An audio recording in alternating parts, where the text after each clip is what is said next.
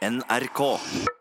Jeg lurer på hvilken bolig i Norge som har ligget lengst ute for salg. Altså uten å bli solgt? Ja, Kjempelenge? ja det, lurer jeg på. Fordi at NRK.no har jo en sak i dag om Stine, eh, som har leilighet i Oslo. Eh, hun har hatt ti visninger siden april, og den boligen er ikke solgt. Men er april, er det lenge?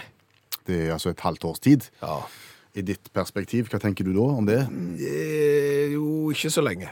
Fordi Eh, Fordi at Michael Jordan, basketballlegenden, han har jo hatt en bolig som har eh, lagt ute mye, mye lenger enn det. Hvor lenge da? Over seks år. Seks år? Ja! Men det var, uten å bli solgt? ja, og det var derfor jeg begynte å, å- tenke når jeg prøvde å så liksom gå inn på sånne boligannonser. Jeg har gått 100 sider tilbake igjen i historikken, og jeg klarer liksom ikke å komme egentlig langt nok tilbake. Men vi vet jo det at i Norge så sier vel de som selger bolig at jo, du får solgt boligen din, men det tar lengre tid enn det pleier. Ja, ok. Eh, Og, og da når Stine i Oslo har hatt ti visninger siden april og ikke solgt, så begynte jeg å lure litt på dette, og så fant jeg jo han eh, godeste Michael Jordan da. Hvor mye skal han ha for huset sitt, da? Eh, Mindre nå enn han skulle egentlig. Hva begynte det med? Han begynte med 29 millioner dollar.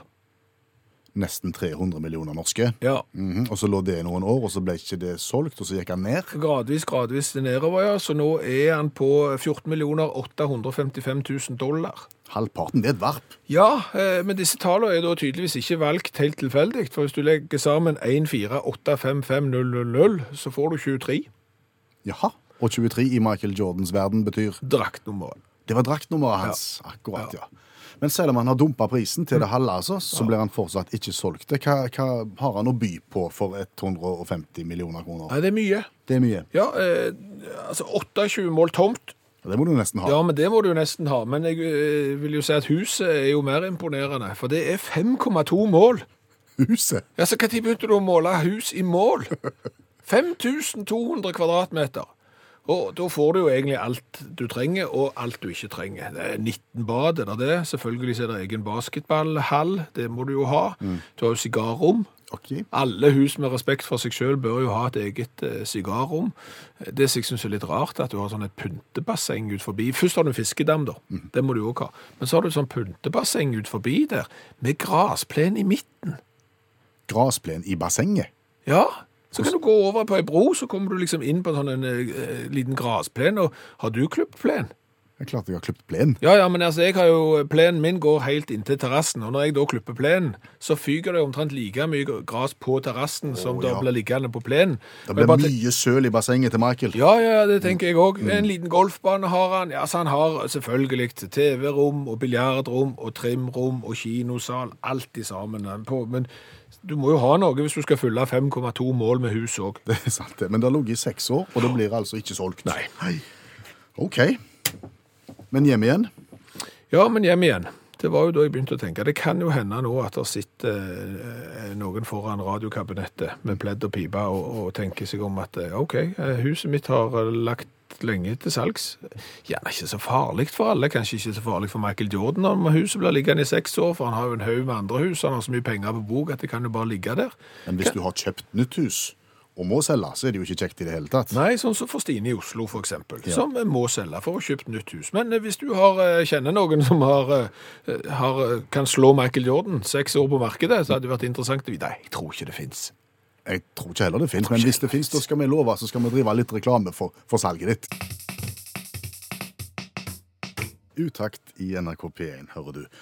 Hvor vi nettopp snakket om basketspiller Michael Jordan, som ikke får solgt huset sitt. Nei, han eh, sliter med det. Har lagt ute på markedet i over seks år. Satt ned prisen fra 290 millioner til drøye 150. Og størrelsen på huset var eh, 5,2 mål i huset, ja. Ja, huset, ja. Ja. ja, ja. Og det fikk oss jo til å tenke litt på, på den diskusjonen som kunne hatt en overskrift som eksempel eh, eh, Må du bruke mye penger når du har veldig mye penger? At han kunne kjøpt et billigere hus når han først kjøpte hus. Han kunne kjøpt et veldig dyrt og fint hus, men han hadde ikke trengt å kjøpe et meningsløst, tåpelig svært hus. Så du mener at 5,2 mål hus er for stort? Det er nok i overkant, ja. 19 bad er mye. Ja men, ja, men du ser det jo i Norge også. Altså, Folk som har veldig mye penger, skal f.eks. kjøpe seg ei hytte i et populært hytteområde, og kjøpe seg da et gedigent slott. Mye, mye, mye større enn det som de andre har. Og da tenker jeg, du må kjøpe deg gjerne ei flott og stor og god hytte. Men igjen, du trenger ikke kjøpe ei meningsløs store som har et anneks som står tomt, stort sett alltid. Og hva er den mekanismen der? Har du mye penger, må du bruke mye penger. Det kan nok være litt for å vise at du kan, Ja, OK. tenker jeg. Eh, Men eh, jeg, jeg har vært innom de samme tankene som deg, og, og, og lagt meg et eget pro-kontra-skjema, hvis det går an å få si det sånn. Ja. Eh, Hvis du ser ei krone liggende på bakken, Ja. så er det ikke sikkert at du gidder bøye deg ned og plukke den opp. Nei. For ei krone er så forsvinnende lite at det er ikke sikkert at jeg gidder bøye knærne mine en gang for ei krone. Mens eh, noen unger de ville gladelig plukket opp den krona og prøvd å finne noen til, og så kjøpt seg en eh, kjærlighet på pinne eller noe sånt. Og jeg tror kanskje det er litt det samme for de som har så kolossalt uh, mye penger, at hvis de kjøper seg ei gedigen hytte, så bruker de sikkert mindre penger av sin formue enn det jeg gjør hvis jeg kjøper meg ei lita hytte. Skjønner det. Ja. Men de sitter samtidig på hytta si Ja. og ser at her er det ufattelig tåpelig mye god plass. Jeg har bare meg sjøl og familien min. Ja. Og ringer det ikke da noen bjeller som på en måte sier at jeg skulle kanskje ha gått noe ned? Mulig det burde det. Ja. Det er litt det samme med bil, tenker jeg. Fordi at bil kan du bruke Hvis du bruker to til tre millioner kroner på bil, for Ja, eksempel, ja. da har du en meningsløst flott bil. Ja. Men de nøyer seg jo ikke med det. De kjøper jo bil til åtte millioner, gjerne. Og hva er da forskjellen, eller hva altså dette her gapet mellom tre og åtte, da? Mm. Blir jeg smålig nå når jeg sitter og diskuterer dette? Nei, men det er litt det samme igjen. Jeg ser på den bilen jeg har. Ja. Eh, Hvis jeg da sammenligner den bilen jeg har med den inntekten jeg har, så burde jeg hatt en mye rimeligere bil. Jeg har kjøpt mye dyrere bil enn jeg egentlig har råd til. Og, og de som har kjøpt bil da, la oss si til 8 millioner kroner, de har sikkert kjøpt en rimeligere bil i forhold til sin inntekt enn det jeg har. Så sånn sett så har de en liten uh, rimeligere bil. Og så har jeg tenkt på, og dette er kanskje det viktigste, at jeg vil oppfordre alle som har kolossalt mye penger, til å bruke så mye de kan på både bil, hytter og alt annet. Fordi Fordi at hvis du kjøper da eksempel en bil til 8 millioner kroner, så skal staten ha enormt mye av de. Så først har de kanskje, ja de har gjerne ikke betalt så mye skatt, for de er jo gode til å ikke gjøre det da. Men kjøper du da en bil, så får statskassen mye penger. Bygger du ei kolossalt mye hytte, store hytte, så sysselsetter du mange folk for å bygge den. Du har betalt moms på materialen, du har betalt for alt. Så sånn sett så er det en fin måte å beskatte de pengene på. Det er et interessant perspektiv. Det er et interessant perspektiv, men du trenger ikke så store hytter. Du trenger ikke bil til 8 millioner heller. Trenger egentlig ikke det. Nei, det Og så tenkte jeg på Michael Jordan, for å ta han helt til slutt. Ja. Hvor mange doer var det han hadde? 19. 19 doer. Hva tror du han tenker når han sitter på den ene? Da tenker han, Gud hjelpe meg, jeg er glad jeg har så mye penger at jeg ikke trenger å vaske de 18 andre sjøl. Og jeg vet at det er mange som gleder seg til nøyaktig dette tidspunktet på radiokabinettet på en mandag, for da får de utvida sin litterære horisont. Ja, og det trenger en bare fire minutter på å få gjort. Ja, for vi går igjennom kjente, klassiske bøker som vi ikke har lest, men som vi definitivt burde ha lest, men som vi ikke har lest fordi at eh, jeg hadde jo leid meg moviebox den dagen, så da fikk jeg ikke tid. Eh, Det er alltid et eller annet som kommer i veien. Ja. Så i stedet for så inviterer vi inn Janne Stigen Drangsholt, forfatter og litteraturviter, og så hjelper hun oss med greiene.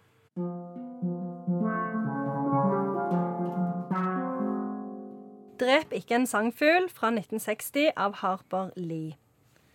Scout Finch er seks år og datter til advokaten Atticus Finch. En dag får faren i oppdrag å forsvare Tom Robinson, en svart mann som er tiltalt for å ha voldtatt ei hvit kvinne.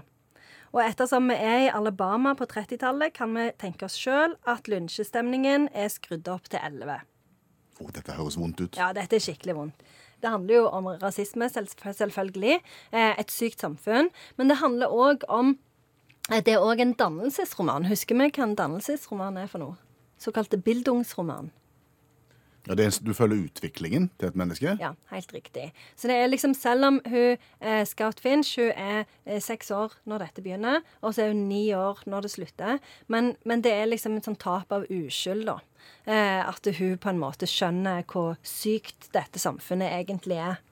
Og så kalte du boka på norsk for Drep ikke en sangfugl. Drep ikke en sangfugl, og så heter den originalt To Kill a Mockingbird, for Ja. det har kanskje folk hørt om. Ja, det er helt riktig. Og det er en veldig veldig kjent bok. Og Atticus Finch han er liksom blitt et sånn et eh, emblem på moral og integritet. For han, han står jo på eh, og ser ikke på farge og forsvarer eh, denne unge mannen. Og det er jo Altså, det er jo en, en, en bok som du blir veldig aggressiv av å lese, for dette alle i byen vet jo at hun som har anklaga han for denne forbrytelsen, ikke er til å stole på. Så hun og faren er liksom eh, eh, et sånn et eh, tospann som ingen egentlig stoler på, og som, som ingen på en måte liker. Og, og alle skjønner jo egentlig at det ikke er noe i det, men fordi han er svart, så er det liksom bare gasse på med lynsjing. Hvordan ble denne boka mottatt? Fordi at denne raseproblematikken med nord og sør og i USA, den har jo gått fram til omtrent dags dato. Mm, og det er jo sånn at den boka, eh, eh, som, som jo er en av de mest kjente bøkene i amerikansk litteratur på, på 1900-tallet, den er jo, han er jo utvilsomt en klassiker, men den har jo vært liksom forbudt på amerikanske skoler mange steder og mange ganger opp gjennom historien. Og det som er interessant, er at han er jo like aktuell i dag eh, som på 60-tallet. Eh, for det er jo de samme tingene som skjer ennå. Eh, og han Tom Robinson, han ble jo dømt. Eh, selv om alle vet jo at han ikke har gjort det. Eh, og når Atticus Finch liksom skal prøve å ta opp saken igjen, så, så, så blir han jo skutt og drept av noen. Eh, så det er jo ei bok som dessverre er like aktuell nå som han var da. Og den begynner trist, og den slutter trist. Ja, han gjør det. Eh, men det er én gladsak, eh, og det er en nabo som heter Boo Radley. Ja. Han er veldig tøff. Han er sånn, de, ingen, han er sånn eneboer. Ingen ser han, og han gjør en veldig sånn heltmodig dåd som jeg ikke skal fortelle om, fordi at det kan godt være noe spennende igjen for de som har lyst til å lese boka. Det er et lyspunkt. Ja, det er jo et lyspunkt òg, fordi Ja. at det, de er jo, det er jo gode folk. Det er jo folk som vil ha endring, og som kjemper for endring, og som står sterkt i stormen. sant? Så, så det er jo lyspunkt. Vi er jo mennesker, liksom, alle sammen. Har dette blitt en film? Dette har blitt en film, ja, med Er det ikke Gregory Peck kanskje som spiller hovedrollen? Ja. Så, og filmen er jo òg en klassiker. Har du et berømt sitat? Ja, jeg har det. Jeg har et veldig fint eh, sitat. Jeg tror det bare er én type folk. Folk. Ja. Det er så godt sagt. Og Det det er er, noe vi har prøvd å innprente våre unge, at eh, folk det kan, altså Folk kan være idioter uansett hvor de Mm. kommer fra, eller kjekke uansett hvor de folk kommer fra. Mm. Folk er folk. Det er helt sant. Og så lurer vi kanskje på Og dette tenker jeg kan gjerne være sånn nyttig i en sånn festsammenheng. Eh, for folk er gjerne sånn Ja, men hva er sangfuglen en metafor på? Hva er, en, hva er mockingbird, liksom? Og sangfuglen er et emblem på uskyld. Så ikke drep uskylden. Tusen takk, Janne Stigen Drangsholt, forfatter og litteraturviter. Ivar Cassidy, 'Songbird'. Nå kjenner jeg det blir vanskelig. Ja, hit me baby one more time.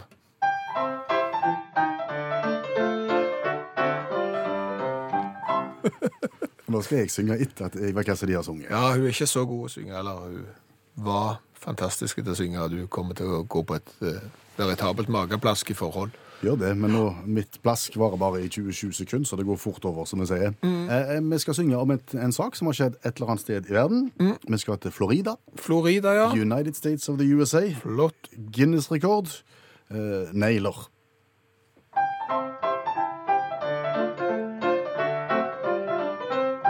Hva har han på sin fing? Nei, jeg skjønner ingenting. For det der, det kan umulig være negler.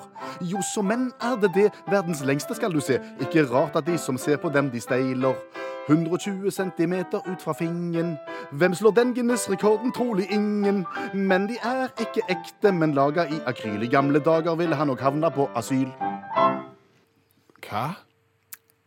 1,2 meter uh, juksenegler. Ja, er, er det verdensrekord i juksenegler, eller er det verdensrekord i negler, og noen har prøvd å lure seg til en verdensrekord i ekte negler? Nei da, dette her er det helt det, Han spiller med åpne kort. Det er oh, ja. verdens lengste juksenegler. Å ja. Ja da. Det er en skoier, dette her, sa du. Han Odilon Ozare, som han heter. Ja, en tullebukk. Ja, for han har flere verdensrekorder. Han har for eksempel verdensrekorden for verdens. Verden... Verdens høyeste hatt.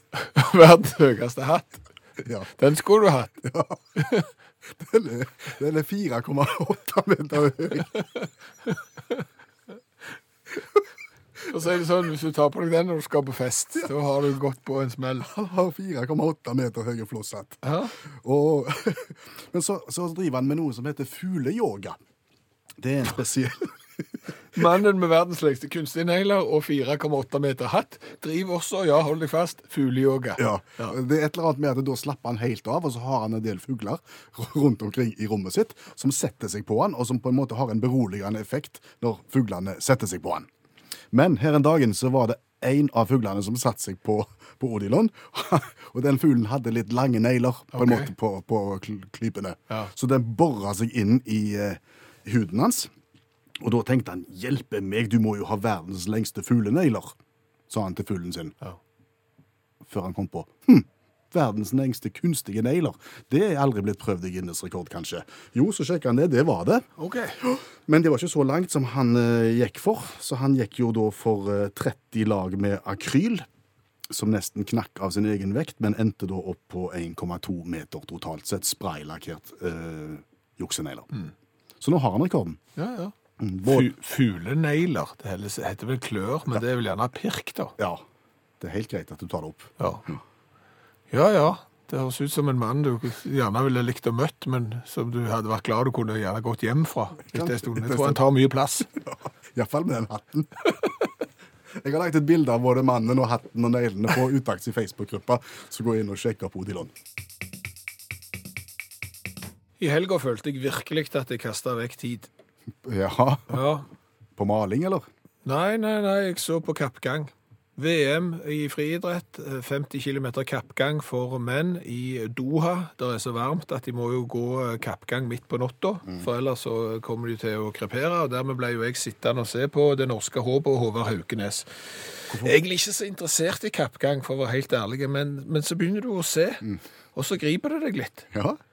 Eh, Og så er det plutselig nordmenn nordmann da som, som kjemper i, i teten, og da blir det jo iallfall sittende der. Men så Nei, så får jo han eh, en advarsel etter advarsel etter advarsel, og når han da har gått 40 km, så blir han diskvalifisert. Da har du sittet på nattestid i to timer og sett på det norske håpet, og så fører det ikke noen steds hen. Det er blytungt. Det er blytungt. Ja, jeg skjønner det. Eh, og, og, og da slår du meg jo at her burde eh, Kappgjengerforeningen Vet ikke om det heter det. Jeg tror ikke det. Nei. Eh, De som har ansvar for, for eh, Kappgangforbundet. Ja. Her bør det gjøres noe. For, for hvis jeg har forstått det rett, så er det sånn du går en sånn to kilometers løyfe, Ja. og så står det åtte dommere eller der omkring rundt, og så kikker de om du følger reglene. For Ja, for det, Poenget er at du skal jo ikke springe her, du skal gå. du skal gå, ja. Og definisjonen på å gå, det er at du har én fot i bakken hele veien. Og hvis dommerne ser at nei, nei, nei, nei, nei, nei. Nå er han på grensen til å springe. Nå har han ikke begge én fot i bakken til hver tid. eh, Da gir de advarsel. Og så fortsetter det sånn, og plutselig så er du diskvalifisert. Og og uten at vi som publikum forstår noen verdens ting, for de ser jo akkurat likt ut enten de går sånn som de skal gå, eller går sånn som de ikke skal gå. Fikk du tenkt noen gode tanker mens du satt der på nattestid? Ja, det er jo da det begynner å boble. Ja. Det er jo da den lille gründeren i meg eh, virkelig våkner, selv om jeg var trøtt. Nå vil du revolusjonere kappgangsporten? Ja, jeg vil da eh, lage kappgangsko. Ja vel. Ja, altså nå tenker du sikkert at ja, men de går jo på sko, så de skoene finnes jo. Men det jeg mener er sko med innebygd sensor. Ja vel. En sensor som til hver tid legger merke til om det er trykk på en av skoene. Det vil jo si at du har en fot i bakken. Ah, Å ja, så også har den på en måte en fjern trådløs kontakt med et eller annet? Ja, ja, og da kan jo vi som publikum se om de liksom går sånn som de skal, og, og dommerne som de jo bare opererer da på øyemål langs denne traseen, de, de vil jo virkelig få en indikator på om disse kappgjengerne følger reglene. Det kan jo ikke være vanskelig å ha to sensorer, en i hver sko, som legger merke til om det er trykk, og dermed kan se om dette er skikkelig kappgang, eller om det er på grensen til springing. Så I det øyeblikk det ikke er en nedi, så vil det komme et rødt lys på skjermen. Sånn at du som seer kan se at nå er han ute og kjører? Ja, for eksempel. Du kan bruke det til mangt, det der, men, men det hadde gjort uh, mye Skal jeg helle litt malurt i kappgangbegeret ditt? Du må ikke, men du kan. Bare bitte litt. Okay. Jeg tipper at dette er noe de har tenkt på og funnet ut at de ikke vil. Men vi vet jo ikke. Det kan godt hende at det er noe de har tenkt på, men de ikke vil. Men da må de tenke seg om en gang til. Tenk hvis vi mennesker kunne fly. Tenk om vi kunne fly. For en fantastisk opplevelse det måtte ha vært. Ja, men jeg tror ikke vi hadde gjort det. Vi hadde ikke flydd dersom vi kunne fly. Nei, jeg tror ikke, altså Hvis mennesker kunne fly, så tror jeg ikke vi hadde fløyet spesielt mye. Hva da for? Nei, for det, det er for stress. Det, det er utrolig slitsomt. Å fly? Ja, altså, du, du kan jo springe, Ja, ja. og, og det går fortere for deg å springe bort i butikken enn å gå. ja. Springer du? Nei, ikke, nei, veldig sjelden. Ja, hva da for ikke? Nei, Du ble jo sliten av Ja. pusten. Ja, du gjør så. Du kommer i butikken, så er du svett. Ja. Så kan du tenke deg hva for en, eh, hvor mye kraft du måtte brukt hvis du skulle fløye i butikken, og så skulle du fly hjem med handleposene etterpå. Da hadde du vært dødsleden. Jeg tror rett og slett vi mennesker ikke hadde hatt gidda til å fly hvis vi kunne fly. Det kan jo være vi hadde tatt det som en treningstur. Ja, kanskje en sånn liten rekreasjonsflyging bare for å komme i god form. Nei, men eller- Du kunne jo flydd i stedet for å jogge. Ja, ja, det kunne du kanskje. Så du kunne brukt det som trening, og noen av de tøffeste hadde kanskje fløyet til jobb da, men eh, det er jo òg litt stress, for da må du ha med deg skift, og så må du dusje og sånn. Det kan jo være at de hadde lansert sånn fly til jobben-aksjon. Ja, For kan, å få folk ut på vingene, på en måte. ja, det, det kan godt være. Men der jeg tror da, hvis vi mennesker kunne flydd, det var at det hadde blitt en del idrettsgreiner der flyging hadde vært i, i fokus. Ja vel. Ja, altså Kortbaneflyging, mm for eksempel. 500 meter flyging. Eh, langdistanseflyging. Det jeg tror jeg har mest tro på, det ville jo vært orienteringsflyging. Ja. Ja, men det er litt som du gjør med, med brevduer, jeg tror jeg. Jeg er ikke så god på brevduer, men jeg, men jeg lurer på om de tar de en plass, og så skal de fly hjem. Eller noe. Så, så orienteringsflyging, da tar du, så samler du de orienteringsflygerne, bind for øynene, så eventuelt flyr du de faktisk ut, og så plasserer du de en plass. Vær så god, finn hjem. Ja. Det tror jeg er idretten sin, det.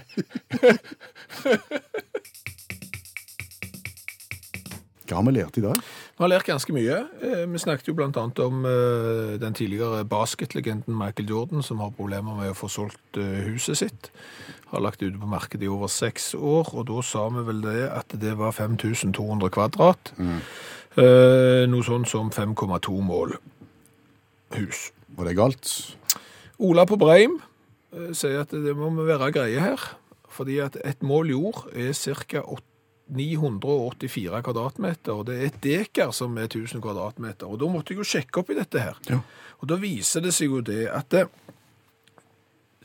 et mål nå er blitt synonymt med et dekar i dagligtale, men det er jo ikke helt rett. For i tidligere tider, nå må du holde deg fast og notere, for i tidligere tider så var ett norsk mål lik et hvert tønneland, eller der omkring 10 000 kvadratfot, altså 984,34 kvadratmeter, basert på at en fot da var 31,375 cm lang. Dette er da loven av 1824. Begynner det å bli interessant nå? Nei, er du snart ferdig? Ja, eh, målet ble videre inndelt i 100 roder. Ja. Så det jeg tror er fornuftig, det er at vi holder oss til dagligtale, og så sier vi at et mål er et dekar. Ja. Så lar vi det være med det. Så har jeg jo lært det at kappgjengerne de blir jo diskvalifisert hvis de ikke har én fot i bakken til hver tid. så står det åtte dommere langs løypa og bruker øyemål for å se på dette. Du har forslag til forbedring? Det har jeg. Kappgangsskoen. Ja.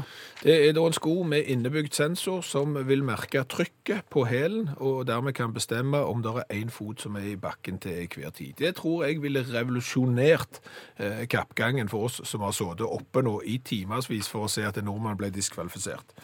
Så lært at verdensrekorden i lengste kunstige negler er 1,2 meter, og verdens høyeste hatt er 4,8 meter. Samme mann. Ja, Odilon Osare, han har da en hang til å, å lage lange ting. Hør flere podkaster på nrk.no podkast.